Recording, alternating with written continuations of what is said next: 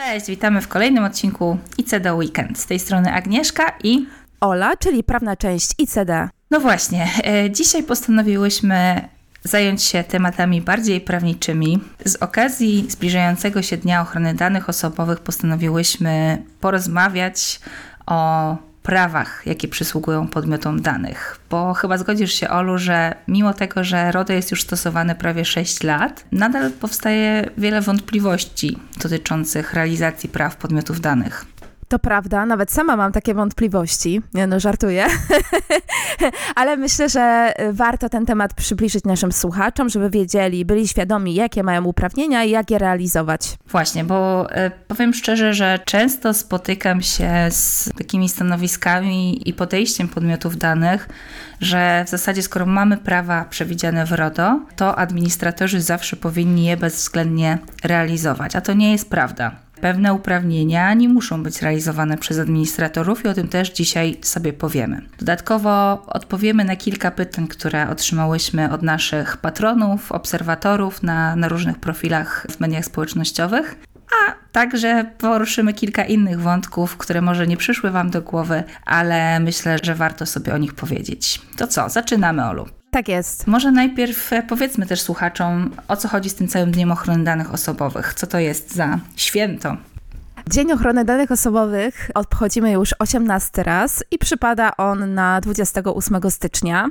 E, I został on ustanowiony przez Komitet Ministrów Rady Europy dla upamiętnienia rocznicy otwarcia do podpisu konwencji 108 Rady Europy, czyli najstarszego aktu prawnego o zasięgu międzynarodowym, który kompleksowo reguluje zagadnienia związane z ochroną danych osobowych. No właśnie, bo musicie wiedzieć, że nie tylko RODO zajmuje się ochroną danych osobowych. RODO e, stosujemy dopiero od 6 lat, a tutaj mamy już 18 Dzień Ochrony Danych Osobowych. Wcześniej rzeczywiście też tematyką ochrony danych osobowych zajęła się konwencja, która jest aktem międzynarodowym. W związku z tym, że już wiecie, kiedy przypada wasze święto, możecie świętować, jeść torty i pić szampany. Świętujemy, Agnieszka. Okej, okay, przechodzimy do konkretów i zaczynamy tak jak jest to opisane w RODO od prawa dostępu do danych. Olu, co to jest? Powiesz nam? Oczywiście. Prawo to jest uregulowane w artykule 15 RODO. Jakby ktoś chciał zerknąć, to wskazuje od razu artykuł. I dotyczy ten artykuł tego, że osoby, których dane dotyczą, czyli podmioty danych, mają możliwość uzyskania od administratora danych informacji, czy ich dane są przetwarzane i w jakim zakresie. I taka osoba może żądać od administratora uzyskania dostępu do tych danych i jeżeli zajdzie taka potrzeba, także uzyskania ich kopii. Kopia ta powinna być wydana bezpłatnie za każdym razem, ale przy kolejnych prośbach, czy jeżeli wiąże się to z podjęciem jakichś tam wysiłków, może zostać nałożona na wnioskującego rozsądna opłata, która wynika z konieczności poniesienia kosztów administracyjnych. Agnieszko, może wskażesz nam, w jakim zakresie funkcjonuje to prawo i jak można je realizować?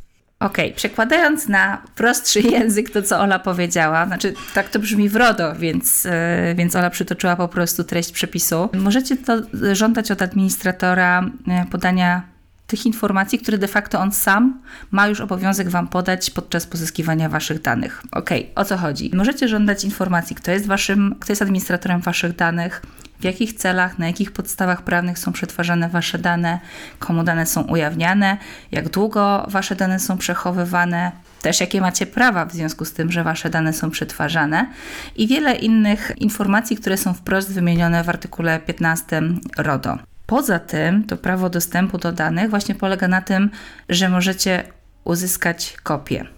Co to jest ta kopia, to powiem Wam szczerze, że powstało już wiele wątpliwości i nawet Trybunał Sprawiedliwości Unii Europejskiej niedawno się w tym zakresie wypowiadał. Przez długi czas uznawano, że kopia to nie musi być nie wiem, wydruk na przykład jakiegoś dokumentu, w którym znajdują się Wasze dane osobowe, wystarczy po prostu przekazać taki wyciąg, tak, informacje na przykład mailowo czy, czy pisemnie, jakie informacje o Was są przetwarzane. Czyli załóżmy, że jest jakaś umowa zawarta z Wami, tam są Wasze dane osobowe. Administrator nie musiałby przekazywać Wam całej kopii wydruku tej umowy, tylko po prostu napisać, że w związku z zawarciem umowy przetwarzane jest Wasze imię, nazwisko, numer PESEL, adres zamieszkania, stanowisko, na którym zostaliście zatrudnieni, gdyby to była umowa o pracę, na przykład wynagrodzenie i tak dalej. No ale to się nieco zmienia, bo już ostatnio, w ogóle w maju tego roku chyba to było, Trybunał Sprawiedliwości Unii Europejskiej wskazał, że osoba fizyczna w ramach tego prawa dostępu do danych w ramach otrzymania kopii może tak naprawdę uzyskać kopię dokumentów,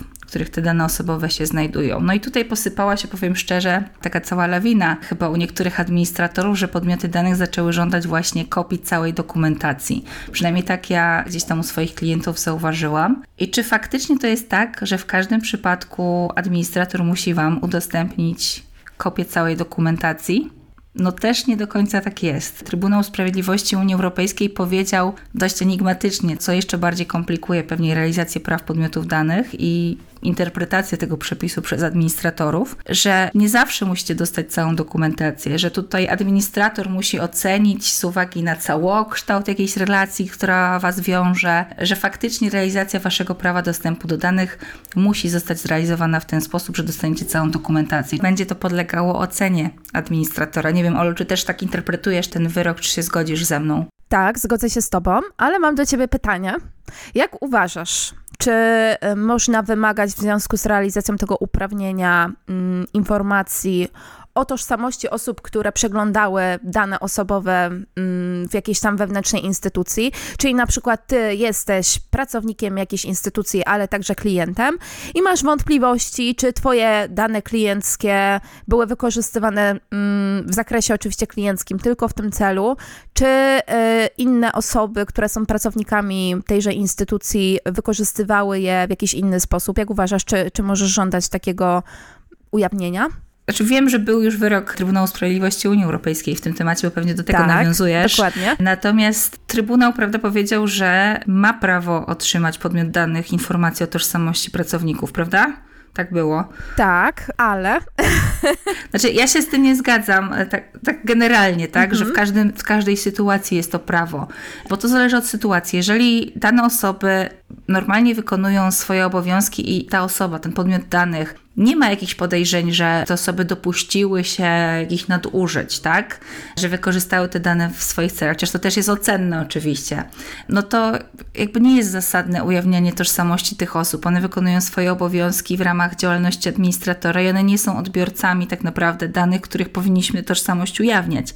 Natomiast no jeżeli doszłoby do jakichś nieprawidłowości, ta osoba miałaby podstawę do twierdzenia, że jakiś pracownik wykorzystał dane osobowe we własnych celach, naruszył w związku z tym prawa tej osoby, no to tutaj już należałoby takich informacji udzielić. No ale czekam na Twój komentarz. Mój komentarz jest niedookreślony w sumie, ponieważ tutaj no, powstał bardzo duży spór i zastanawiano się nie tylko organ, bo to działo się w Finlandii, nie tylko organ nadzorczy finlandzki się nad tym zastanawiał i ich sąd, ale także właśnie Trybunał. I tutaj te wnioski są takie niedookreślone, bo oczywiście to zależy właśnie od Jak tego... zawsze w prawie. Tak, Wszystko zależy. Dokładnie, od tego, czy jest jakieś zagrożenie, ale też trzeba zrobić taki test niezbędności w zakresie tego, jak bardzo chcemy ochronić dane osobowe podmiotu danych i jakiemu uprawnienia przysługują, a druga kwestia, czy ujawniając te dane o tożsamości pracowników, którzy przeglądają te dane, mają do nich dostęp, nie naruszymy ich uprawnień. Mhm. Tutaj e, w związku z tym odpowiedź jest taka, to zależy od sytuacji. No czyli w sumie tak jak też powiedziałam, tak? To zależy od sytuacji, bo, bo może się okazać, że z tego testu nam wyjdzie, że trzeba ujawnić te informacje, tak? Jeżeli prawa tej osoby żądającej dostępu zostały naruszone przez pracowników, prawda? Dokładnie. No i jakie są wnioski z tego dla podmiotów danych, że, że nadal wiele rzeczy nie wiadomo, ale myślę, że, że po prostu jeżeli chcecie uzyskać dostęp do jakiejś informacji, macie poczucie, tak, że powinno to obejmować szerszy zakres właśnie informacji czy dokumentacji, że powinniście otrzymać wykaz, kopię dokumentów, no to jak najbardziej możecie z takim roszczeniem wystąpić, z takim żądaniem. No jak na to zareaguje administrator, to się okaże, no myślę, że ta praktyka tak naprawdę będzie się jeszcze kształtować, czyli de facto wy nawet możecie kształtować tę praktykę, zgłaszając swoje żądania. Jeżeli administratorzy wam po prostu odmówią realizacji prawa dostępu do danych, zawsze przysługuje wam skarga do Urzędu Ochrony Danych Osobowych, a tutaj droga już nawet do Trybunału Sprawiedliwości Unii Europejskiej może sięgać, więc no słuchajcie, warto o te swoje prawa walczyć, natomiast to też nie jest tak, że wy możecie tych administratorów, mówiąc brzydko, męczyć w nieskończoność i nie powinniście tego robić, no bo bądźmy uczciwi, tak? Te podmioty też nie zajmują się głównie tym, żeby odpowiadać na wasze żądania i jeżeli będziecie co chwila wystosowywać też takie prośby, mimo że otrzymaliście już jakieś informacje, to tak jak tutaj Ola przytoczyła treść przepisu, Przy kolejnych prośbach o kopię danych, jeżeli one są jakieś uciążliwe czy ewidentnie niezasadne, administrator może uzależnić wydanie wam takiej kopii od uzyskania jakiejś opłaty administracyjnej, tak? I do tego ma prawo i nie możecie też temu się dziwić w takich sytuacjach. Absolutnie nie zarzucam nikomu złej woli i nadużywania, chociaż zdarzają się takie osoby pewnie w każdym kraju, tak zwani pieniacze, którzy, którzy zajmują się tym na co dzień, aby wszczynać jakieś spory i nie wiem, jest to rodzajem rozrywki chyba w ich życiu, tak można by powiedzieć. A z mojej perspektywy mogę tylko powiedzieć, że zrealizować takie prawo podmiotu danych to wcale nie jest taka łatwa sprawa, bo w przypadku właśnie tego prawa dostępu i chęci uzyskania kopii danych, no dla takiego administratora jest to pewne wyzwanie, ponieważ musi przeszukać wszystkie swoje zasoby, określić, gdzie dana osoba w ramach jakich procesów występuje i przygotować właśnie taką odpowiedź, która powinna być kompleksowa, a więc to musi być zrobione dokładnie. Często wiąże się zarówno z pracą po stronie IT, jak i z taką pracą pracowników biurowych, bo zarówno zasoby,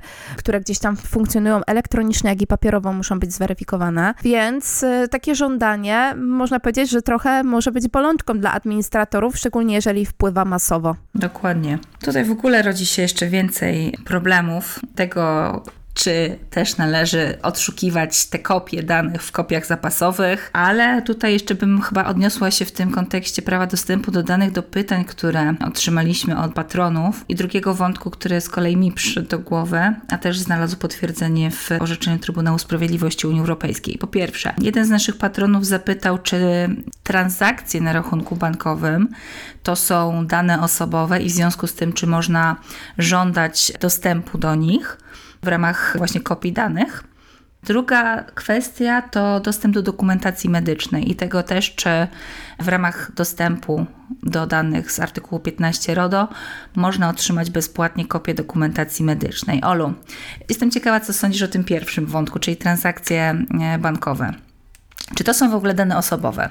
Jak najbardziej. Oczywiście, że tak. To są informacje oczywiście o osobie, ale także o czynnościach finansowych, które były przez nią realizowane, czyli o jakichś tam preferencjach, zwyczajach, gdzie ona bywa, jakie mm, wykonuje zakupy, więc jak najbardziej zakwalifikowałabym to jako dane osobowe, do których służy prawo dostępu. Tak, tutaj się zgadzam, natomiast banki w niektórych przypadkach za takie wyciągi, kopie właśnie transakcji pobierają opłaty. I tutaj mamy pewien zgrzyt.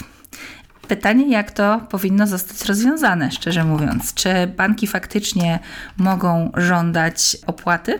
Trudno mi jest, szczerze mówiąc, powiedzieć, bo to zależy też. Nie mam wiedzy, jakie koszty generuje sporządzenie takiego raportu i jak bardzo jest to czasochłonne. Z pozoru wydawałoby się, może nie jest, ale no jakby z uwagi na to, że no nie znamy do końca funkcjonowania sektoru finansowego, no to nie jesteśmy w stanie tego określić. Natomiast wydaje mi się, tak pozornie, że często żądanie tych opłat jest po prostu próbą odciągnięcia użytkownika czy podmiotu danych od realizacji tych uprawnień na zasadzie, że, a, że znowu ktoś tam napisał i nie wiem, zrobił nam robotę, no to w takim razie spróbujemy tę osobę odwieźć od tego pomysłu i nałożyć na nią opłaty. Z jednej strony tak, natomiast też w artykule 23 RODO są przewidziane pewne ograniczenia jakie państwa członkowskie mogą nałożyć właśnie w związku z realizacją praw podmiotów danych, w tym żądania dostępu do danych.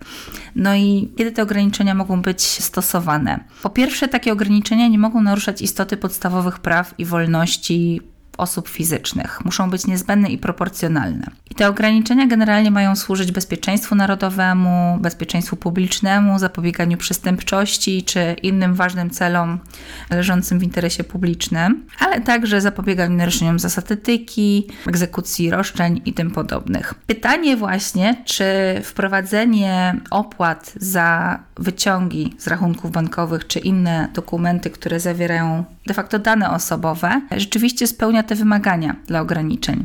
I tutaj możemy się odnieść właśnie do tego wyroku SUE, o którym mówiłam w kontekście żądania dostępu do dokumentacji medycznej, bo no, z polskich przepisów też tak wynikało, ale też w innych państwach, na przykład w Niemczech, tutaj właśnie sprawa dotyczyła Niemiec. W ustawie niemieckiej też przewidziano opłaty za uzyskanie kopii dokumentacji medycznej.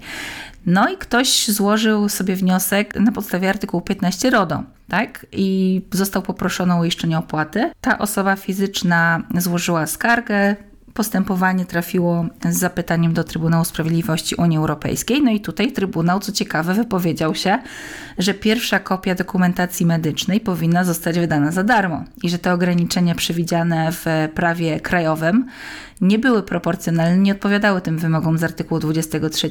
Więc być może, jeżeli ktoś z, z naszych słuchaczy, jakiś podmiot danych, też wystąpiłby do banku z prośbą o taką kopię, i zostałby poproszony o uiszczenie opłaty, mógłby wnieść skargę do prezesa Urzędu Ochrony Danych Osobowych. Może sprawa też trafiłaby do Trybunału Sprawiedliwości i uzyskalibyśmy podobną interpretację, że może to jednak nie być takie ograniczenie, które jest proporcjonalne. Tym bardziej, że wydaje mi się, że jeżeli chodzi o takie wyciągi bankowe, to w większości jest to oczywiście przechowywane, przetwarzane w zasobach elektronicznych, a tak. jeżeli chodzi o dokumentację medyczną, to z tego, co moja pamięć sięga, to ta pierwsza dokumentacja to sporządzona jest często w formie papierowej. Tak. Więc no tutaj ten wysiłek musi być, prawda, większy i koszt również z uwagi na to, ewentualny koszt oczywiście, z uwagi tak. na to, że pewnie trzeba to y, zeskanować, złożyć te dokumenty. Mm, więc jeżeli tutaj stanowisko jest takie, że nie powinno się za pierwszą realizację tego uprawnienia uiszczać stosownych opłat, no to tym bardziej nie widzę powodu, żeby banki tego wymagały. No ale teraz narażamy się bankom i innym instytucjom finansowym. Mam nadzieję, że, że to doczeka się też swojego rozstrzygnięcia i będzie tutaj w tym zakresie jasność.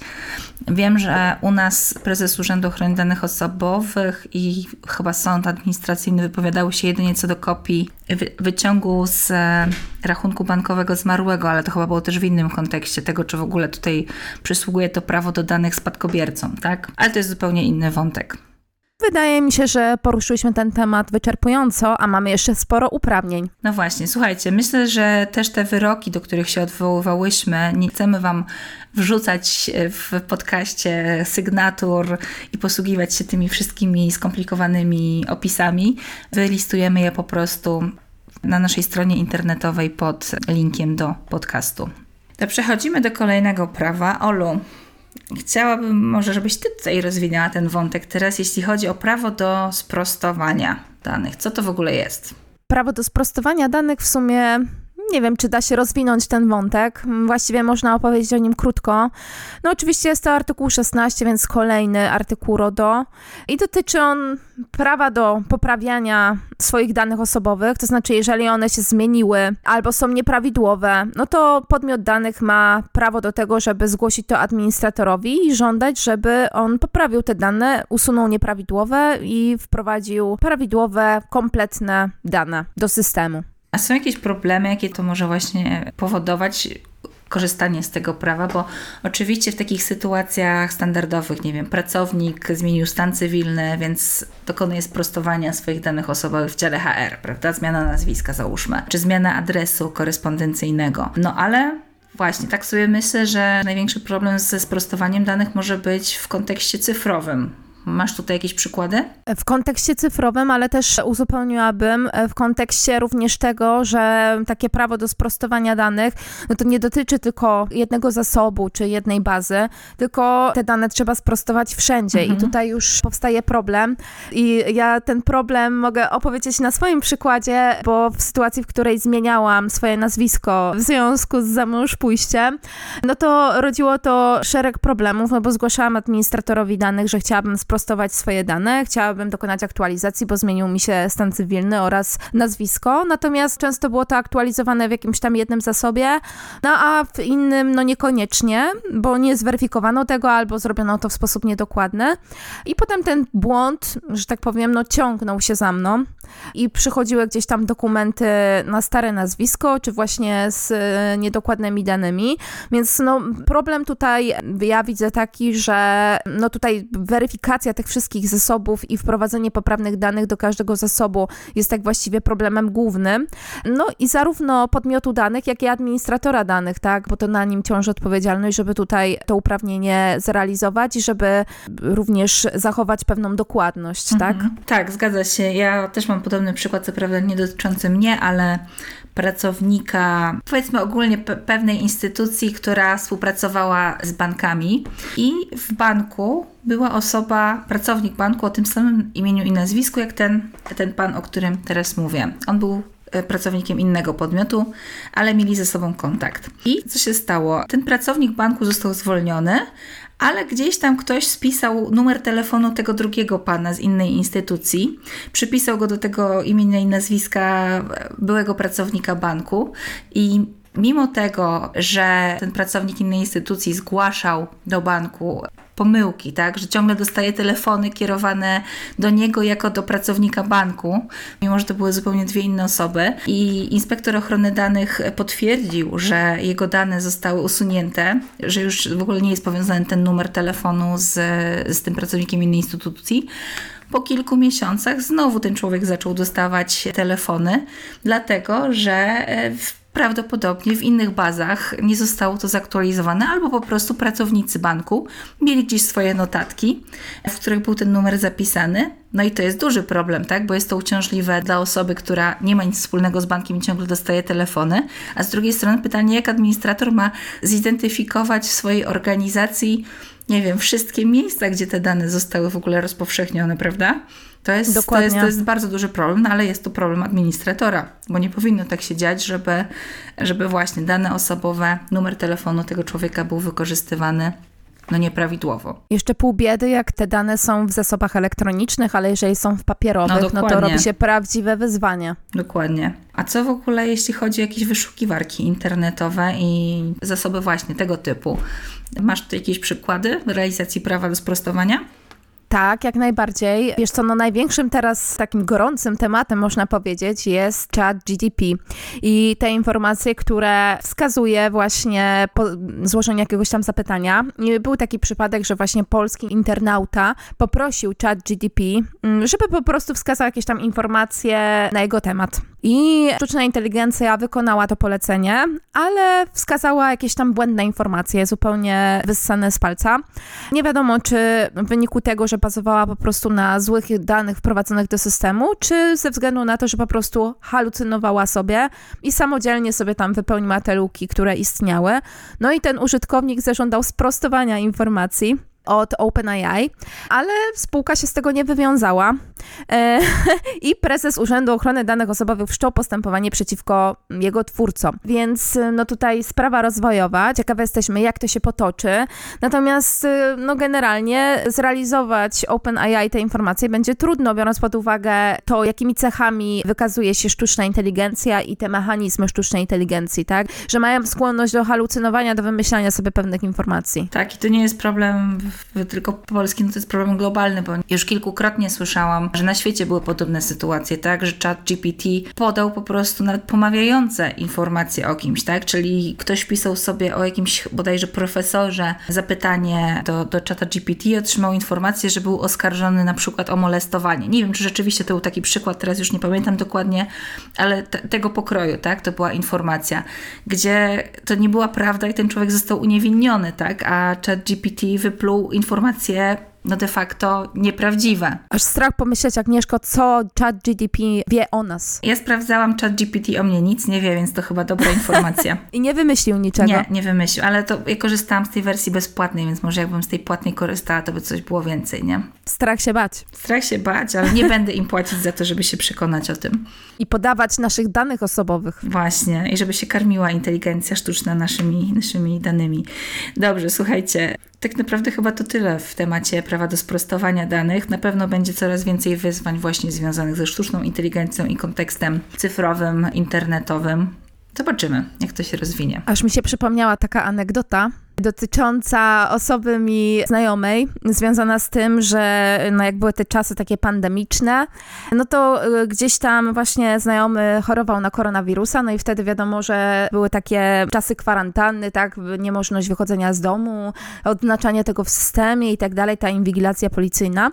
I właśnie mój znajomy, no miał tego koronawirusa, no i zostało to odznaczone w systemie, ale zostało to odznaczone w sposób błędny, taki, że wskazano jakby, że zmarł. I po jakimś czasie znowu miał tego koronawirusa, no i zadzwoniono do niego tam z jakiejś instytucji medycznej z zapytaniem, że jak to on ma koronawirusa, jak on już nie żyje. No, przepraszam, że się śmieję. Jest to tragikomiczne po prostu. On wiesz, że on chce sprostować te informacje, bo on żyje, może nie ma się jakoś super dobrze, e, no ale no tutaj żyje, rozmawia i chce sprostować, to pani powiedziała, że no ona nie może tutaj telefonicznie wykonać takiej operacji e, sprostowania danych, no bo ona ma tutaj w systemie to, no i ona nie może, no bo RODO. Czar, Dobra, czekam. czarny humor. Czarny humor. Teraz nasze ulubione prawo. Tak, teraz nasze ulubione, nie wiem czy ulubione, ale wiele osób zastanawia się nad tym prawem, czy w ogóle istnieje coś takiego jak prawo do zapomnienia. E, w pewnym sensie tak, prawo do bycia zapomnianym, czyli prawo do usunięcia danych, e, rzeczywiście jest uregulowane w RODO w artykule 17. No i polega na tym, że właśnie możecie napisać do administratora, poprosić o to, aby wasze dane zostały usunięte. Ale tutaj gwiazdka bardzo duża, bo wbrew temu, co mogłoby się Wam wydawać, nie jest to prawo bezwzględne. Czyli administrator nie w każdym przypadku będzie musiał i mógł zrealizować to prawo. Więc w jakich przypadkach administrator musi usunąć Wasze dane osobowe, jeśli go to poprosicie? Na pewno wtedy, kiedy nie ma już żadnej podstawy prawnej do przetwarzania Waszych danych. Co to znaczy? Przykład. Jeżeli wyrażaliście zgodę na przetwarzanie danych osobowych w celach marketingowych i wycofacie tę zgodę, administrator musi też usunąć od razu Wasze dane osobowe zgromadzone do tych celów, bo już utracił podstawę do ich przetwarzania. Ale może się też tak zdarzyć, że poza zgodą na marketing podawaliście e, swoje dane w kontekście umowy zawartej z tym podmiotem. Ta umowa nadal trwa, albo może już nawet wygasła, ale jeszcze nie upłynęło 5 lat od rozwiązania tej umowy, w związku z czym administrator musi przechowywać wszelkie dokumenty potwierdzające realizację umowy rozliczenia, bo nakładają na niego taki obowiązek przepisy podatkowe czy dotyczące rachunkowości, i w tym zakresie e, administrator będzie nadal przechowywał Wasze dane osobowe. Więc jeśli na przykład zwrócicie się do takiego administratora globalnie z żądaniem usunięcia danych osobowych, to spodziewajcie się tego i to nie będzie absolutnie nic sprzecznego z prawem, że odpowie Wam tak, że w zakresie przetwarzania Waszych danych do celów marketingowych Wasza zgoda została wycofana i tutaj z bazy marketingowej Wasze dane zostały usunięte. Natomiast w związku z tym, że mieliście jakąś relację umowną i rozliczenia z tym podmiotem, on nadal ma prawo przetwarzać Wasze dane osobowe. Jest to legalne, w związku z czym nie może usunąć Waszych danych osobowych. To najczęstsze właśnie takie żądanie. Proszę mnie zapomnieć, proszę mi usunąć dane i już.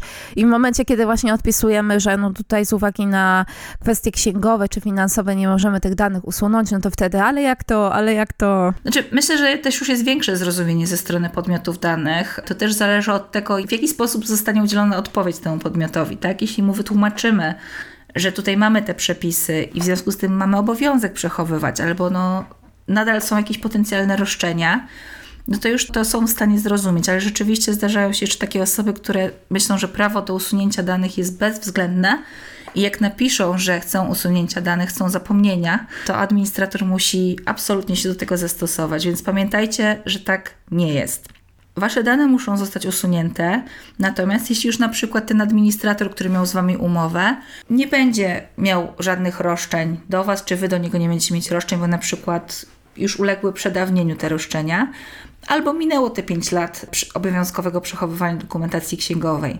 Po tym czasie dane nie będą administratorowi już potrzebne do celów, w których zostały zgromadzone i też będzie musiał usunąć Wasze dane osobowe. Sam z siebie powinien to zrobić, ale Wy również macie jak najbardziej prawo tego żądać. Jeżeli wnieśliście też sprzeciw wobec przetwarzania danych osobowych, o tym sprzeciwie za chwilę będziemy szerzej mówić.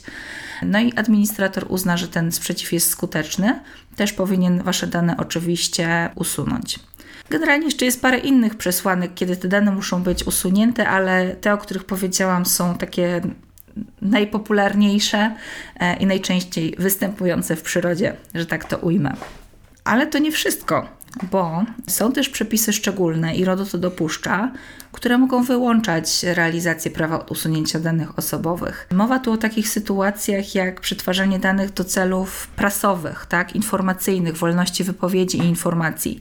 Prawo prasowe, czyli taka odrębna ustawa polska, zawiera szereg wyłączeń ze stosowania przepisów RODO, czyli na przykład dziennikarze nie muszą informować podmiotów danych o tym, że przetwarzają ich dane, w jakich celach przetwarzają te dane. Tutaj też jest właśnie wyłączona spora część realizacji uprawnień wynikających z RODO. Więc mogą być jakieś takie uznane przez państwo nadrzędne cele, dla których dane muszą być dalej przetwarzane. Drugim takim przykładem jest profilaktyka zdrowotna i przepisy dotyczące przetwarzania danych właśnie w tych celach, czy inne obowiązki prawne nałożone na państwo czy na administratorów danych. Olu, czy chciałabyś coś tutaj dodać do tego, co powiedziałam? Tak, bardzo jestem żywo zainteresowana kwestią związaną z prawem prasowym, ponieważ są sprzeczne orzeczenia w tym zakresie. Była taka sprawa dotycząca Węgrzynowskiego i Smolczewskiego przeciwko Polsce, która zawisła przed ETPC. Czyli Europejskim Trybunałem Praw Człowieka. Tutaj Dokładnie. rozwiniemy, bo nie każdy wie. Była taka sprawa, tak pokrótce opowiem może o co chodziło. Ci panowie to byli prawnicy, którzy zostali opisani w pewnym tytule prasowym polskim, nie będę może wskazywała jakim. I no oni twierdzili, że te informacje, które znalazły się w tym tytule prasowym są nieprawdziwe i złożyli właśnie pozew o naruszeniu dóbr osobistych. Wygrali tą, tą sprawę y, przed polskim sądem i w związku z tym zostały tam im zasądzone odpowiednie zadośćuczynienie, y, nakazano mm, złożenie przeprosin. Natomiast ci panowie uznali, że również te materiały prasowe, które zostały opublikowane na ich temat, one powinny zostać usunięte. No i tutaj jakby kontynuacja tej sprawy wyglądała w ten sposób, że polskie organy wskazały, że zakres tej sprawy nie obejmował również usunięcia tych informacji z internetu. Tym bardziej, że tutaj takie informacje, archiwa internetowe służą interesowi publicznemu, że właśnie podlegają tym gwarancjom wynikającym z ochrony swobody wypowiedzi, że z uwagi na te wyłączenia z prawa prasowego, no to tutaj nie powinny być te informacje usuwane z tych zasobów internetowych, tych zasobów archiwalnych. No i tutaj jakby ta argumentacja no, jest zgodna z naszymi założeniami, z tym, co powiedziałyśmy, ale pojawił się taki wyrok NSA, w którym jakby wskazano, że prawo do bycia zapomnianym powinno dotyczyć archiwalnych artykułów prasowych, bo materiał dziennikarski utrzymuje aktualność tylko przez pewien czas, a więc taka wolność wypowiedzi została zrealizowana w chwili opublikowania takiego artykułu. No i tutaj powstaje pewien zgrzyt, że tak powiem, no bo tutaj prawnicy i eksperci w Polsce wskazali, że jest to niezrozumienie w ogóle funkcji informacyjnej i kontrolnej mediów i w taki sposób nie powinno się interpretować tego uprawnienia, że w momencie, kiedy jest wydawana publikacja, no to to prawo do bycia zapomnianym jakby nie przysługuje, ale w momencie, w którym już gdzieś tam ten mate- materiał prasowy znajduje się w archiwach, to już y, można jak najbardziej żądać zrealizowania prawa do bycia zapomnianym. I co sądzisz, Agnieszka, na ten temat? Że ja myślę, że no, to jest jeden z wielu problemów właśnie styku RODO, ochrony praw podmiotów danych i innych wartości, jakimi są e, właśnie wolność wypowiedzi, też prawo do rzetelnej informacji. I no, będziemy mieć coraz więcej takich przypadków. Tutaj rozumiem, e, Trybunał Sprawiedliwości Unii Europejskiej z kolei nie wypowiadał się chyba jeszcze w tym kontekście, Nie, nic mi o tym nie wiadomo. więc myślę, że też powinniśmy czekać na ostateczne rozstrzygnięcie. No ja mam wątpliwości. Znaczy, Wydaje mi się, że w tych celach archiwalnych jednak to trochę za- za daleko sięga i nie powinno to być usuwane. W ogóle ja też się zastanawiam nad, nad kontekstem jakby celu archiwalnego i archiwalnej prasy, bo w jakim momencie uznaje się prasę za archiwalną? W momencie, kiedy minął tydzień, dwa, miesiąc, pół roku? No to jest bardzo ocenne, więc moim zdaniem nie da się tak e, arbitralnie ustalić, kiedy powinno to mieć miejsce. Z drugiej strony, czy nie byłoby wystarczające, gdyby do tych archiwalnych materiałów dostarczyć jakąś notkę, tak? Że został wydany jakiś wyrok, w związku z czym no, to zostało sprostowane gdzieś tam, tak? No nie, nie wiem. No, Myślę, to by że było... jest to niemożliwe, dlatego że w momencie, kiedy ktoś na przykład prenumeruje jakieś pismo Tak. i często prenumeruje je w wersji papierowej, bo po prostu tak woli, lubi czytać w papierze, a niekoniecznie elektronicznie, no to niemożliwym jest dotarcie do tych wszystkich osób, które zakupiły nawet w kiosku czy w, czy w jakimś sklepie taką gazetę, już nawet nie w ramach prenumeraty i dostarczenie im takiej notki, to raz, a dwa, Mhm. Że często, jeżeli to jest jakiś tam nawet stary numer, stary tytuł, stare wydanie, no to w tym momencie jakby, jeżeli ta osoba już zaprzestała tej prenumeraty, no, no to nawet takich danych nie powinniśmy trzymać, no bo jeżeli ktoś u nas, nie wiem, prenumerował coś x lat temu, już bardzo dawno, no to y, i, i zaprzestał y, od wielu lat, nie kupuje naszych mm, wydań, no to w tym momencie no dotarcie do takiej osoby wręcz jest niemożliwe. Natomiast tutaj warto chyba jeszcze poruszyć wątek usuwania danych u odbiorców, którym dane zostały przekazane, prawda? I to też w kontekście, myślę, internetowym zwłaszcza. Możesz tutaj coś powiedzieć, Ola, na ten temat? To na przykład jest to problematyczne w kontekście danych, które znajdują się w wyszukiwarce Google na przykład i danych, które są często przez tą wyszukiwarkę powielane z jakichś tam właśnie tytułów prasowych, artykułów zamieszczonych w internecie. No bo tutaj o ile mm, zgłosimy Google'owi takie żądanie usunięcia jakichś tam odniesień czy jakichś danych, no to on byłby w stanie to zrealizować, no ale nie jest w stanie zrealizować uprawnienia, które się odnoszą jakoś tam do jakichś tam kwestionowanych artykułów, tekstów, które są opublikowane właśnie czy w jakichś tytułach prasowych występujących w internecie, czy w jakichś serwisach internetowych, tak?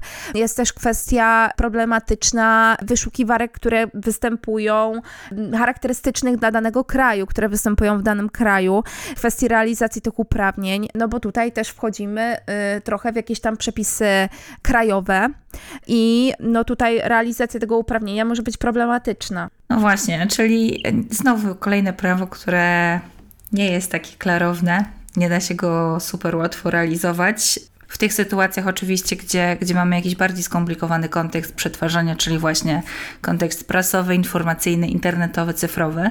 No ale cóż, trzeba próbować te prawa realizować i w razie jakichkolwiek wątpliwości i spornych sytuacji zawsze jest ta droga odwołania do prezesa Urzędu Ochrony Danych Osobowych, czy dalej do sądów administracyjnych. Właśnie, dla mnie największym jeszcze problemem, który pozwolę sobie tak dopowiedzieć, yy, który ja zaobserwowałam, jest to, że niestety to orzecznictwo, te decyzje, które są wydawane przez nasz organ i, i później ewentualnie w związku z odwołaniem się od tych decyzji, te sprawy są rozpatrywane w sądzie, to niestety Wojewódzki Sąd Administracyjny oraz organ nadzorczy niekoniecznie zgadza się w swoich e, rozstrzygnięciach i oczywiście nie byłoby to dla mnie dziwne, gdyby nie to, że jednak ten rozdźwięk jest czasami zupełny, to znaczy zupełnie co innego twierdzi organ nadzorczy, a co innego sąd.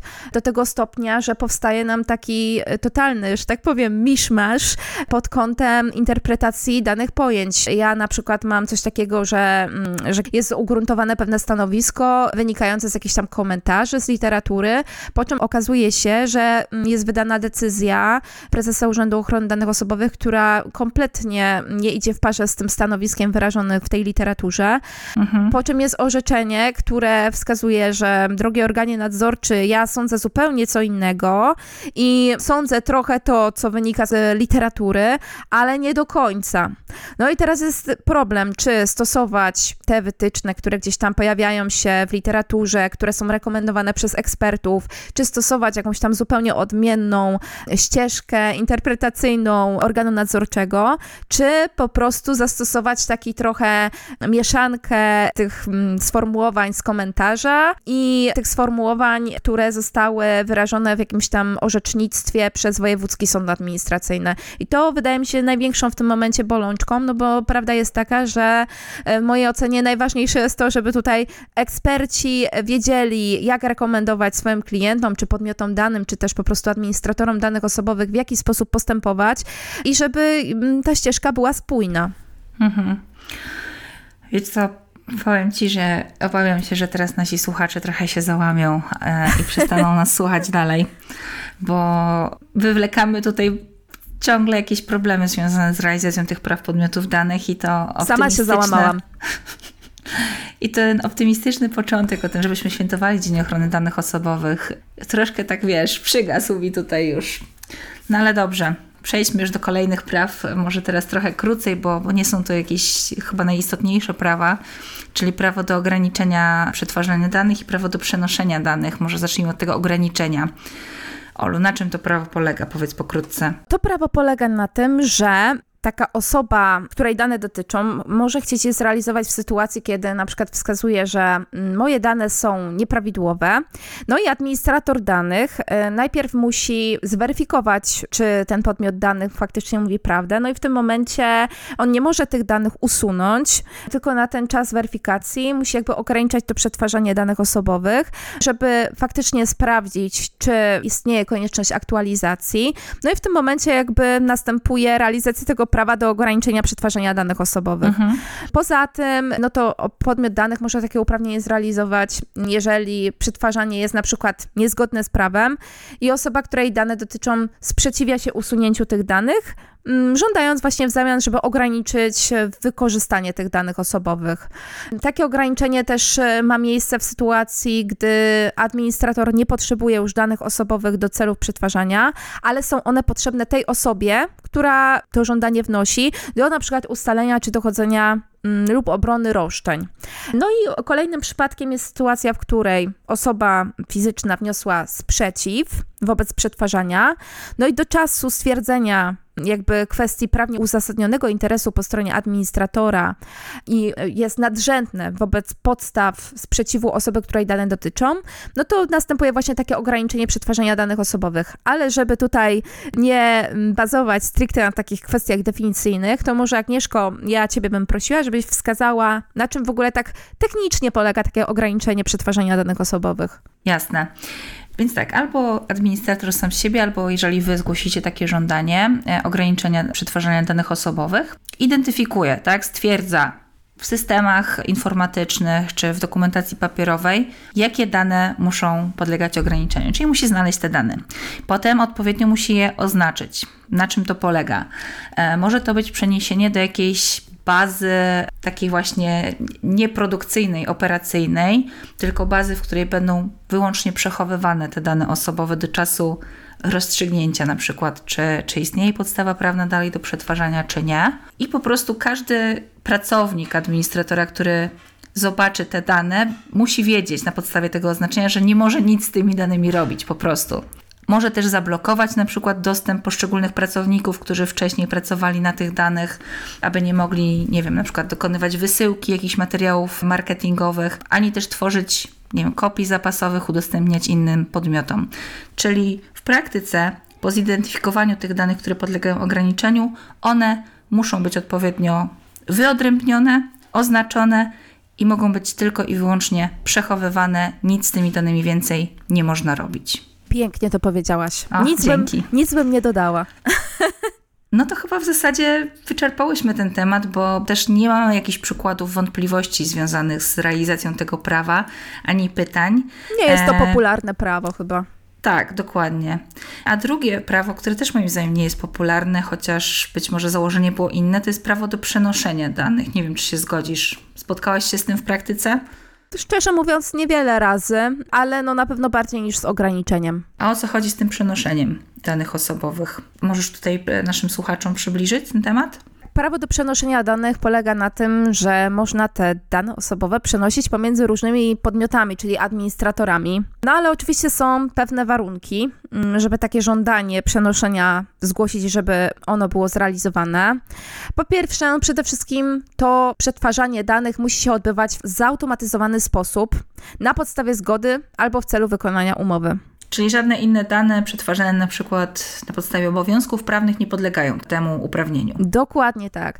Po drugie, dane te, które mają być przeniesione, muszą dotyczyć osoby żądającej ich przeniesienia, czyli nie żądamy przeniesienia danych, nie wiem, mojego sąsiada, tylko to Albo muszą mojego, być. mojego męża. Tak. O, z tym się spotkałam, właśnie z tego typu żądaniem. No to by było możliwe, ale tylko na podstawie pełnomocnictwa, prawda? Gdyby mąż upoważnił żonę do żądania tego, tak? dokładnie, dokładnie. I tak wskazałam, i wtedy ten podmiot danych powiedział: Ojej, ale jak to nie wiedziałem. No dobra, no to w takim razie wrócę z pełnomocnictwem i nie wrócił. Więc y, przerosło go to, albo stwierdził, że gra jest niewarta świeczki. Y, I poza tym, po trzecie, prawo to nie obejmuje danych anonimowych, ani danych, które nie są w żaden sposób powiązane z osobą korzystającą z prawa. Ale może w wielu sytuacjach dotyczyć w przypadku, gdy dane dotyczą kilku osób jednocześnie. Ale chyba jeszcze o najważniejszym musimy powiedzieć, bo Czy to dotyczy wszelakich danych, jakie administrator posiada o podmiocie danych? No właśnie nie. A których? Dotyczy tylko tych danych, które zostały dostarczone przez tą osobę, która pragnie to uprawnienie zrealizować. Czyli. Podaj jakiś przykład, właśnie, żebyśmy wiedzieli, o czym mówimy. Okej, okay, czyli na przykład, jeżeli ja sobie stworzę jakąś tam swoją bazę związaną z, nie wiem, obserwacją jakiegoś procesu i tą osobę zamieszczę w tej bazie i potem wykorzystuję w tym celu te dane, no to tutaj już przeniesienie tych danych w ramach tego uprawnienia nie będzie funkcjonowało. To może podajmy taki przykład, nie wiem, właśnie banku. Zawieram umowę rachunku bankowego z, z, jakimś podmiotem, podaję swoje dane osobowe, imię, nazwisko, numer PESEL, adres zamieszkania, numer dowodu osobistego, być może jeszcze jakieś inne informacje. Biorę w tym banku kredyt. Bank dokonuje oceny zdolności kredytowej, czyli wyciąga jakieś wnioski też na podstawie informacji, które ja dostarczyłam, które dane będą podlegały prawo do przenoszenia, a które nie. Dostarczyliśmy tylko te dane do umowy, tak, z bankiem. W związku z tym tylko te dane przetwarzane w sposób zautomatyzowany na podstawie umowy pewnie z bankiem możemy przenieść do innego administratora. Natomiast te dane, które sobie bank o nas wytworzył, na przykład w ramach oceny zdolności kredytowej, no już temu prawu podlegać nie będą.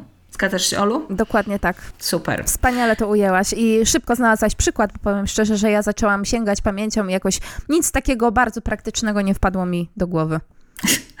No bo też mi się wydaje, że to prawo nie jest jakoś y, bardzo eksploatowane, że tak powiem. Nie jest. Myślę, że to właśnie w przypadku jakiejś instytucji, gdzie zmieniamy, nie wiem, operatorów, jakichś usług, mogłoby to mieć zastosowanie, ale w praktyce, szczerze, ja się nie spotkałam nigdy z takim żądaniem. Ale myślę, że administratorzy się cieszą dlatego że tak. to też może być problematyczne, żeby te dane przenieść. No nie wiem, jak tam, e, jeżeli chodzi o kwestię IT wygląda to, e, na ile to jest problematyczne pod kątem takim technicznym, ale na pewno zgromadzenie tych danych i wyselekcjonowanie, które dane użytkownik dostarczył i w ramach jakich procesów w związku z tym dostarczeniem są one przetwarzane, a jaki proces został wygenerowany jakby przed administratora danych osobowych, no to, to też wymaga jakiejś tam analizy i pracy. Dokładnie. No a jeszcze trzeba dodać, że administratorzy mają obowiązek zapewnić, aby te dane były dostarczone, przekazane do przeniesienia w odpowiednim formacie, tak, który będzie też kompatybilny z innymi systemami i aby inny podmiot, do którego są dane przenoszone, po prostu były odczytane, prawda? I nie ma tak naprawdę jednoznacznej informacji, no na pewno nie ma jej w RODO, jak ten format faktycznie ma wyglądać, prawda? Dokładnie, dokładnie tak. Kolejne nieścisłości i nieprawidłowości. Ale dobrze, nie przejmujmy się tym. Tak jak powiedzieliśmy, to nie jest zbyt popularne prawo. Na pewno dużo bardziej popularnym jest prawo do wniesienia sprzeciwu wobec przetwarzania danych, chociaż tutaj, jeśli chodzi o prawo do sprzeciwu, mówiłam o nim też trochę przy okazji prawnie uzasadnionego interesu w jednym z odcinków ICD Express, więc przypomnę krótko że o sprzeciwie możemy mówić w dwóch przypadkach. Kiedy administrator przetwarza dane osobowe na podstawie prawnie uzasadnionego interesu w celach marketingowych, albo kiedy administrator przetwarza dane w interesie publicznym lub w swoim prawnie uzasadnionym interesie bądź interesie innego podmiotu w jakichkolwiek innych celach. I teraz tak, jeżeli administrator przetwarza dane w celach marketingowych, na podstawie prawnie uzasadnionego interesu, na przykład, żeby wysyłać Wam drogą tradycyjną jakieś foldery reklamowe. Możecie wnieść sprzeciw wobec takiego przetwarzania, i tutaj administrator zawsze ma obowiązek uwzględnić Wasz sprzeciw. Inaczej jest, jeśli ten prawnie uzasadniony interes polega na czymś innym, czyli na przykład w celach jakichś administracyjnych, wewnętrznych organizacji, czy w celach e, dochodzenia roszczeń, Tutaj może być wiele, wiele tak naprawdę różnych opcji. Albo mamy właśnie przetwarzanie w celu interesu publicznego. I tutaj jak najbardziej możecie wnieść sprzeciw wobec przetwarzania, ale już administrator tego sprzeciwu uwzględnić nie musi. Dlaczego? Dlatego, że musi zostać porównane, czy ten prawnie uzasadniony interes jest tak naprawdę wyżej niż wasze prawo do, do ochrony prywatności, mówiąc w dużym uproszczeniu. Jeśli mamy na przykład prawnie uzasadniony interes polegający na dochodzeniu roszczeń, czyli na przykład nie zapłaciliście komuś za usługę, ten podmiot przetwarza wasze dane, wysyła wobec was wezwanie do zapłaty, potem chce was pozwać. No to jeżeli wniesiecie sprzeciw wobec takiego przetwarzania, to w zasadzie mogę powiedzieć, że oczywistym jest, że administrator odmówi wam i ma do tego prawo. Odmówi wam uwzględnienia sprzeciwu, dlatego że jego prawa do dochodzenia tych roszczeń są ważniejsze, w, w cudzysłowie, niż wasze prawo do prywatności. To wy zrobiliście źle, nie zapłaciliście za wykonaną usługę, no i niesłusznym byłoby teraz pozbawienie tego wierzyciela dochodzenia swoich roszczeń. To jest chyba taki najbardziej jaskrawy przykład pokazujący, jak to ważenie wygląda. Natomiast tak, Olu, chciałabyś coś dodać? Dokładnie. No właśnie, to też wiąże się z realizacją innych uprawnień i podejściem podmiotów danych, bo owszem, podmiotowi danych przysługują uprawnienia, ale też należy pamiętać o tym, że czasami zdarzają się przypadki, gdzie podmiot danych próbuje zrealizować te uprawnienia, chcąc jakby uniknąć kwestii właśnie opłat, czy jakichś tam obowiązków wynikających z umowy. Mm, I w sytuacji, kiedy, nie wiem, dostaje wezwania do zapłaty, albo właśnie ciążą na nim pewne zobowiązania wynikające z umowy, próbuje zgłosić uprawnienie, czy właśnie prawo do bycia zapomnianym, czy właśnie sprzeciw. Mhm to właśnie takie uprawnienie nie powinno być zrealizowane przez administratora danych osobowych, no bo no, trwa jakieś tam dochodzenie roszczeń, czy właśnie trwa jakiś proces mm, wynikający z egzekwowaniem tego obowiązku. No i tutaj wtedy takie uprawnienie osobie fizycznej w tym konkretnym przypadku nie przysługuje. Dokładnie.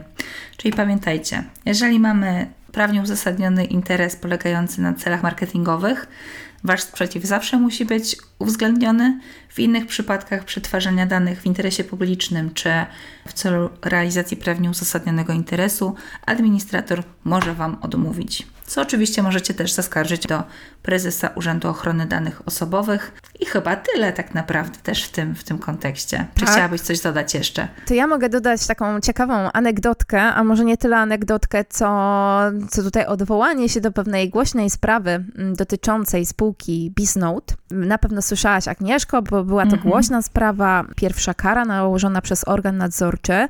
Mm, I tutaj jest to interesujące w kontekście tego prawa, w tym sensie, że no tutaj ta spółka gromadziła dane z publicznych rejestrów, czyli właśnie z Centralnej Ewidencji Informacji Gospodarczej, CIDG, czy właśnie z KRS-u, dane dotyczące przedsiębiorców, dane jakieś tam kontaktowe przedsiębiorców, typu właśnie numer telefonu, adres e-mail, jeżeli były dostępne mm, gdzieś tam w jakichś tam publicznych wyszukiwarkach, rejestrach i tak. I tutaj ta spółka dostała karę, no bo nie spełniła obowiązku informacyjnego w odpowiedni sposób, to znaczy albo nie spełniła wcale, albo wysyła wysyłała maile do tych podmiotów, twierdząc, że no tutaj koszt wysłania takiej papierowej informacji, klauzuli informacyjnej no, będzie przewyższał tutaj możliwości finansowe tej spółki, ale istotnym, istotną kwestią tutaj w kontekście tego prawa do sprzeciwu jest to, że mm, osoba fizyczna powinna zostać poinformowana o swoich uprawnieniach zgodnie z artykułem 13 i 14 RODO, który dotyczy takich klauzul informacyjnych, czyli właśnie spełnienia obowiązku informacyjnego. No i ta osoba fizyczna w związku z tym, że nie została poinformowana wcale albo nie została poinformowana odpowiednio, no to nie miała świadomości, że te dane są przetwarzane, no i że przysługuje jej właśnie wobec tego sprzeciw. No i tutaj istotne jest właśnie to, że taki administrator danych osobowych o tych uprawnieniach poinformować powinien. No i przede wszystkim tutaj w tym przypadku powinien poinformować o tym, że ta osoba fizyczna ma możliwość wniesienia sprzeciwu. Tak, ostatecznie e, ta firma zrealizowała obowiązek informacyjny papierowo. Na pewno wielu naszych słuchaczy dostało taką klauzulkę informacyjną. Ja też niedawno dostałam. Tak, dokładnie prowadząca. od Dan e, e, and Bradstreet chyba, z tego tak, co... Tak, bo zmieniła się nazwa tej firmy, znaczy tak, to już jest inna spółka. Natomiast ja mam wątpliwości co do prawidłowości te, tego obowiązku informacyjnego. Mam tam pewne zastrzeżenia, więc ciekawe, czy ktoś zwrócił już na to uwagę urzędowi? Ja wam podpowiem. Chodzi o to, że nie ma informacji o możliwości wniesienia sprzeciwu. Ale też e, czas przechowywania danych e, został w taki sposób opisany, że w sumie nic z tego nie wynika, więc... No cóż, nie udało się to chyba temu podmiotowi mógłby się spodziewać potencjalnie kolejnych skarg, tak sobie myślę. Nie podpowiadaj. Wiesz co, chyba w Belgii, jeśli się nie mylę, ale na pewno w którymś kraju zachodniej Europy ta firma też już ma problemy, z tego co wiem, z, e, z, z przetwarzaniem danych właśnie w tym kontekście. O, to nie wiedziałam nawet. Ciekawa tak, tak. informacja. Tak. Tak, już jakieś postępowanko zostało wszczęte. Jak ty to lekko powiedziałaś. Ha, No, ciekawa jestem, co z tego wyniknie, zobaczymy. Będziemy czekać. Tak. No dobrze, słuchajcie. I zbliżamy się chyba do ostatniego prawa.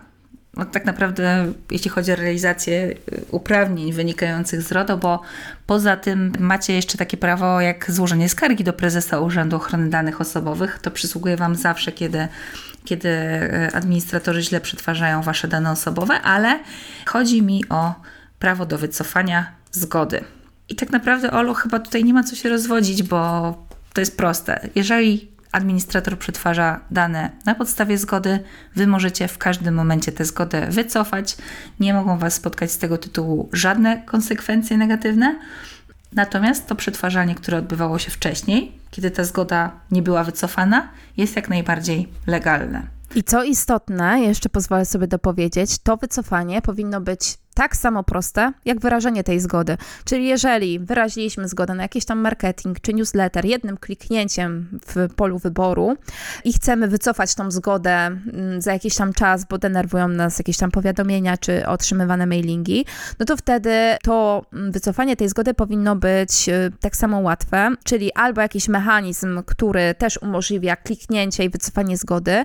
To nie powinno się odbywać w ten sposób, że my zgłaszamy chęć wycofania zgody, czyli wypisania zapisania się z tego newslettera, czy z otrzymywania takich informacji mailowych w sposób taki, że my zgłaszamy właśnie taką chęć, a pracownik czy konsultant nam mówi, że musi pani wejść tutaj w, tą, w to miejsce, kliknąć tutaj, tu przyjdzie potwierdzenie, kliknąć tam, czyli właściwie ten proces składa się, nie wiem, z pięciu czy sześciu kroków, gdzie wyrażenie zgody to był, nie wiem, jeden czy dwa kroki, tak? No to jest nieprawidłowa praktyka.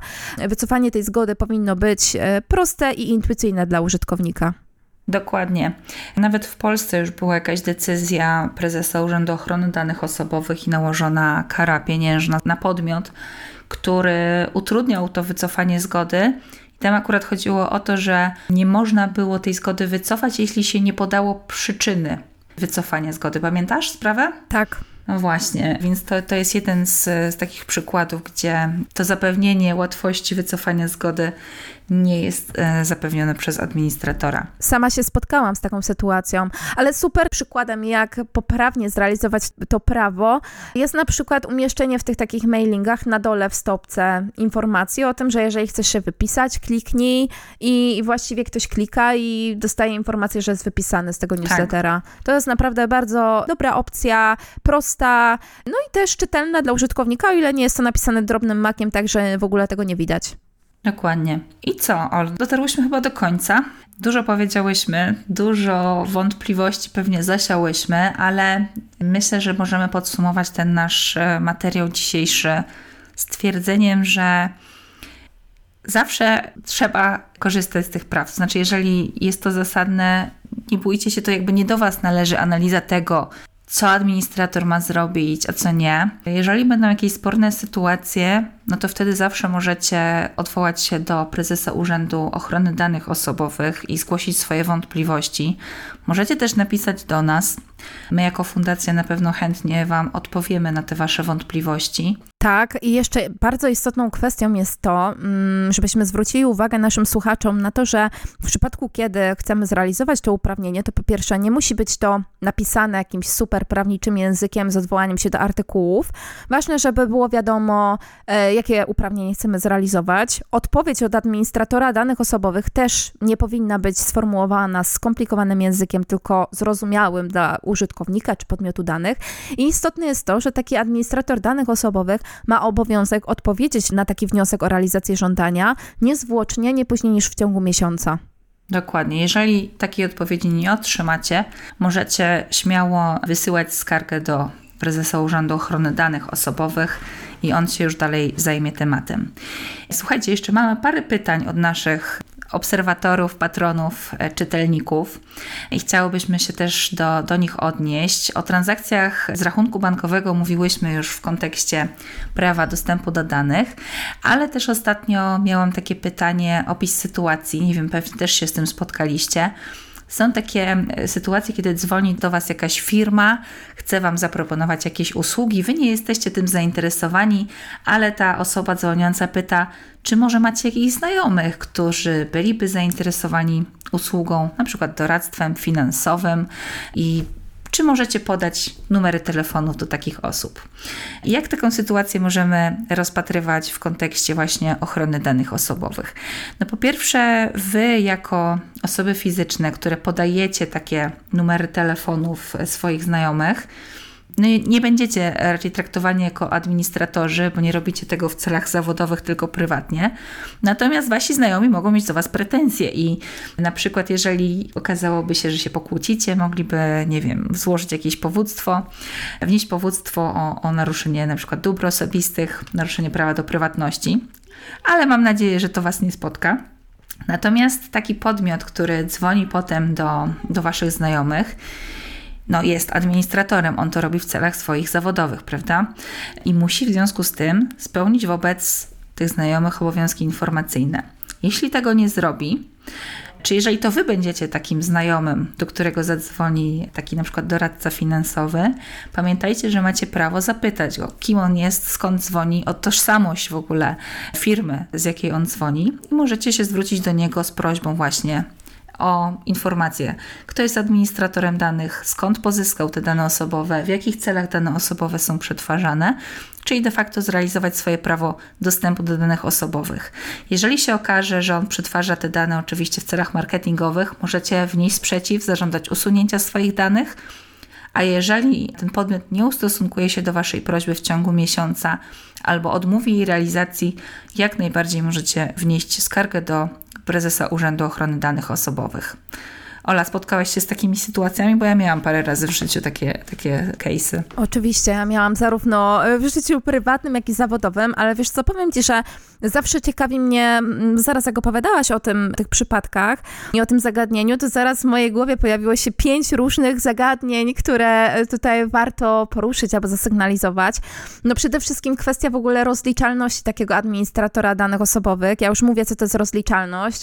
Rozliczalność to jest możliwość zapewnienia przez administratora, właściwie obowiązek zapewnienia przez administratora danych osobowych, spełnienie obowiązków wynikających z RODO. I w tej sytuacji związane to jest z tym, że jeżeli administrator danych osobowych pozyskuje na przykład zgodę na przetwarzanie danych osobowych, no to on w sytuacji, gdy organ zapyta, czy, czy nie wiem, rozpocznie jakąś tam kontrolę, on ma obowiązek wykazać, że taką zgodę pozyskał i w jaki mhm. sposób. I w sytuacji, gdy on uzyskuje takie dane od jakichś tam, nie wiem, osób X, no to w jaki sposób on będzie w stanie wykazać, że te dane pozyskał w sposób legalny. To jest raz. Dwa, jeżeli chodzi o takie wydzwanianie, jakieś tam kampanie telefoniczne, no to tutaj pozostaje też kwestia tego, czy na pewno tutaj będzie uzasadniony interes administratora podstawą, a nie zgoda, bo biorąc pod uwagę na przykład prawo telekomunikacyjne i korzystanie właśnie z tych urządzeń w celu mm, wykonania połączeń telefonicznych, no to w mojej ocenie tutaj z, w związku z prawem telekomunikacyjnym konieczne jest pozyskanie zgody takiej osoby na taki kontakt. E, więc to jest bardziej złożony case i tutaj może być dużo więcej naruszeń, prawda? Tak, dokładnie. Ja już tutaj rozwinęłam cztery inne wątki.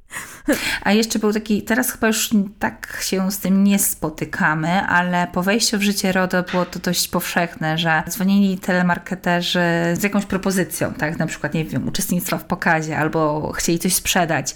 No i na pytanie, skąd mają Państwo nasze dane osobowe, odpowiadali, my nie przetwarzamy danych osobowych, my wylosowaliśmy numer telefonu. O tak, to jest częsta praktyka w tym sektorze takim fotowoltaicznym. O matko. E, no i co, jak się do tego ustosunkujesz? No jak ja się do tego ustosunkuję? No wiesz co, bez względu na to, co oni tam twierdzą, konsultanci, czy, czy właśnie wylosowali, czy to jest maszyna, która w ogóle nawet nie, nie odpowiada na, na te pytania konkretne, tylko jakby są również właśnie automatyczne systemy, które tam zadają pytania, czy masz dom, jaki i tak dalej i jakby nie da się przejść na inny temat, choćby związany z RODO, y, z tą maszyną, tylko jakby trzeba realizować ten scenariusz y, wgrany w tą maszynę, która prowadzi tą rozmowę, no to jakby, no jak ja się do tego zapatruję? Dla mnie musi być podstawa przetwarzania danych osobowych i informacja o tym, kto jest administratorem danych osobowych, a kwestia wylosowania numeru, dla mnie e, jakby takie wytłumaczenie nie ma w ogóle racji bytu, dlatego że no, to połączenie wykonuje czy osoba fizyczna, czy nawet ta maszyna, ale w imieniu jakiegoś tam podmiotu, więc ten numer musi być wgrany do tej maszyny lub ewentualnie przekazany temu konsultantowi i ten konsultant, który wykonuje to połączenie, on reprezentuje jakiś podmiot, przedstawia jakąś ofertę tego podmiotu bądź innego podmiotu, więc no tutaj wykonując to połączenie już przetwarza dane osobowe w postaci choćby numeru telefonu, a zakładam, że może tych danych mieć więcej, mm, dotyczących, nie wiem, czy imienia i nazwiska, czy jeżeli jak, są to jakieś tam dane z publicznych rejestrów, no to również jakieś informacje dotyczące działalności, y, czy ewentualnie jakieś tam inne informacje związane z posiadaniem domu bądź nie, czy, czy jakichś tam innych zasobów. Więc jakby no tutaj to odnośnie wylosowania numeru mnie nie przekonuje. No tak, zwłaszcza, że często okazuje się, że jakimś cudem na przykład te osoby wiedzą, że zapraszają osoby z Warszawy, tak, na, na jakieś wydarzenie. Raz zrobiłam taki mek, że zapytałam, a gdzie to jest wydarzenie, nie? I pani powiedziała, że w Warszawie, ale jestem z Krakowa. I pani się rozłączyła. Nie? Raz też dałam się w pyskówkę z taką panią. W ogóle to było na początku e, wdrażania RODO. Właśnie to był 2018 rok i po prostu już byłam taka wymęczona też tym, tą pracą. I zadzwoniła w ogóle na numer kancelaryjny taka pani. O. I ja powiedziałam, że, że sobie nie życzę, tak, że ja w ogóle się zajmuję RODO. Naiwna byłam. No, że zajmuję się RODO, ja wiem jakie mam prawa. A pani na mnie nakrzyczała, że tak, akurat pani się zajmuje RODO. Każdy sobie tak może powiedzieć, nie? Ale taka była nieprzyjemna w ogóle. E, no, byłam zaskoczona. Ja też miałam taką sytuację y, i najlepsze jest w ogóle to, że y, no, mój numer telefonu jakby nie występuje w żadnych publicznych rejestrach, a pani się upierała właśnie, że to jest z publicznych rejestrów, mhm. więc ja zażądałam szczegółowych informacji na temat przetwarzania mojego danych osobowych i dostałam na maila później informację od prezesa zarządu tej spółki, że on mnie bardzo przeprasza, że oni już usuwają moje dane, że w ogóle to e, on ma te dane, no oczywiście tłumaczenie było jakieś abstrakcyjne, ale no generalnie mm, cała intencja tej wypowiedzi była taka, że generalnie bardzo przepraszamy, już nie będziemy dzwonić, przepraszamy, że żyjemy i usuwamy ten numer telefonu.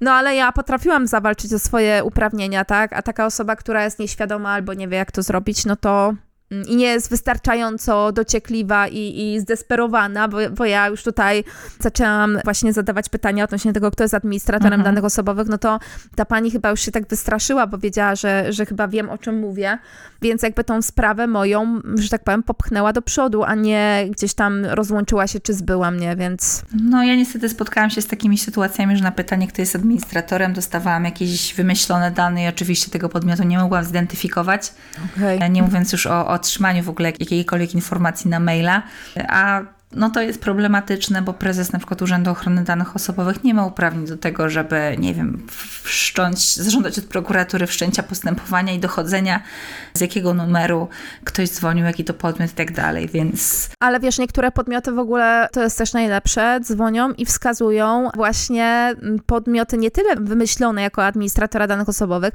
ale wskazują jakichś tam swoich kontrahentów, ale w innym zakresie. I miałam raz taki przypadek, Mm, że właśnie został wskazany jako administrator danych e, osobowych podmiot, który owszem istniał, ale jak później skontaktowałam się z tym podmiotem, to on, po, e, on powiedział, że oni żadnych kampanii telefonicznych ani nie wykonują, ani nie zlecają, że oni w ogóle zajmują się czymś innym, że kto podał i właśnie kontakt do nich, że oni pierwszy raz w ogóle słyszą o czymś takim. Mhm. No i ja nie byłam w stanie wskazać, kto podał numer telefonu ich i, e, przepraszam, kto wskazał kontakt do nich, no bo no nie wiedziałam, tak, bo, bo ten podmiot wskazał mi dane tego podmiotu, więc więc zabawna sytuacja. No, dokładnie. Mamy nadzieję, że takich sytuacji nieprzyjemnych i podobnych prób też wyłudzeń danych osobowych e, będzie już coraz mniej i że doczekamy się bardziej skutecznych rozwiązań chroniących e, podmioty danych i konsumentów generalnie przed tego typu praktykami. Tego Wam życzymy z okazji Dnia Ochrony Danych Osobowych. Dostaliśmy przy okazji e, przygotowywania tego odcinka również wiele innych pytań e, od Was dotyczących cookies, dotyczących praw autorskich. Z uwagi na to, że dzisiejszy odcinek poświęciłyśmy prawom podmiotów danych, wybaczcie, że nie odniesiemy się do nich, natomiast nie pozostawimy ich bez odpowiedzi, e, zamieścimy wyjaśnienia albo tam, gdzie zadaliście, czyli na przykład na Mastodonie, a w kontekście praw autorskich już myślimy o tym, żeby przygotować zupełnie odrębny odcinek na ten temat. Także spodziewajcie się kontynuacji. Mamy nadzieję, że udało nam się rozwiać wątpliwości związane z realizacją uprawnień przysługujących na podstawie RODO, że odcinek był ciekawy i wyszliście z niego z ogromną dawką wiedzy. Natomiast jeśli to, co powiedziałyśmy, nie wyczerpuje Waszych pytań i wątpliwości, czy nasunęły się nowe przemyślenia i chęć wyjaśnienia jakichś wątków, śmiało piszcie do nas, czy mailowo, czy kontaktujcie się z nami za pośrednictwem mediów społecznościowych. A piątkowe popołudnie spędziły z Wami Agnieszka. I Ola. Dziękujemy. Dzięki serdeczne za uwagę. Trzymajcie się. Do usłyszenia w kolejnych odcinkach. Jeżeli przypadł Ci do gustu nasz podcast, zachęcamy do wspierania nas na Patronite i na LiberaPay. Umożliwia nam to pokrywanie kosztów naszej inicjatywy, takich jak serwery, na których utrzymujemy nasze strony, filmy i podcasty, czy ilustracje do naszych artykułów. Na Patronite można wybrać trzy kwoty wsparcia. Pierwsza to 3 zł miesięcznie. Jeżeli wybierzesz tę opcję, pomagasz nam pokryć koszty serwerów i inne koszty operacyjne związane z naszą inicjatywą. Druga to 7 zł miesięcznie. Jeżeli wybierzesz tę opcję, dostaniesz dostęp do tzw. grupy patronów, czyli czatu, na którym możesz rozmawiać ze mną, z Arkiem i z Agnieszką, a z Olą oraz innymi patronami Internet Czas Działać. Dzielimy się tam zakulisowymi informacjami i pomagamy sobie nawzajem w odkrywaniu nowych, otwartych rozwiązań, a czasem nawet udzielamy sobie nawzajem wsparcia technicznego i prawnego. Czat jest dostępny za pomocą Matrixa oraz Telegrama. Postawiliśmy mostek, dzięki któremu masz dostęp do całej dyskusji, niezależnie od tego, którą platformę wybierzesz. Członkowie grupy są też zapraszani na comiesięczne spotkania wideo z całym naszym zespołem. Trzecia kwota na Patronite to 14 zł miesięcznie. Wybierając tę kwotę, dostaniesz dostęp do grupy patronów, a także Twój pseudonim lub imię i nazwisko zostaną wyczytane na końcu naszych odcinków, o ile Twoja darowizna nie jest anonimowa oczywiście. Oto aktualni patroni, którzy właśnie tak szeroko otworzyli swoje serca i portfele na rzecz naszej inicjatywy. Grzegorz Cichocki, Damian Haugas, Dawid Gosławski, Gustaw Tański, Marcin Karwowski, Tomasz Chrycyna, Łukasz Nachaczewski, Łukasz Hawryłko, Mi, Klo, Monika Koperkiewicz, Artur Markowski, Mateusz Jabłoński, Filip Finfando, Krzysiu Weiss, Marcin Mokrzycki, Mateusz Jarczyński, Adam Jurkiewicz i Renata Olszewska. Serdecznie dziękujemy tym wyczytanym oraz wszystkim innym patronom, którzy nas wspierają w walce o lepszy internet. Te same nagrody można uzyskać patronując nam na LiberaPay, który umożliwia opcję wspierania nas całkowicie anonimowo, jak i wybrania dowolnej kwoty wsparcia.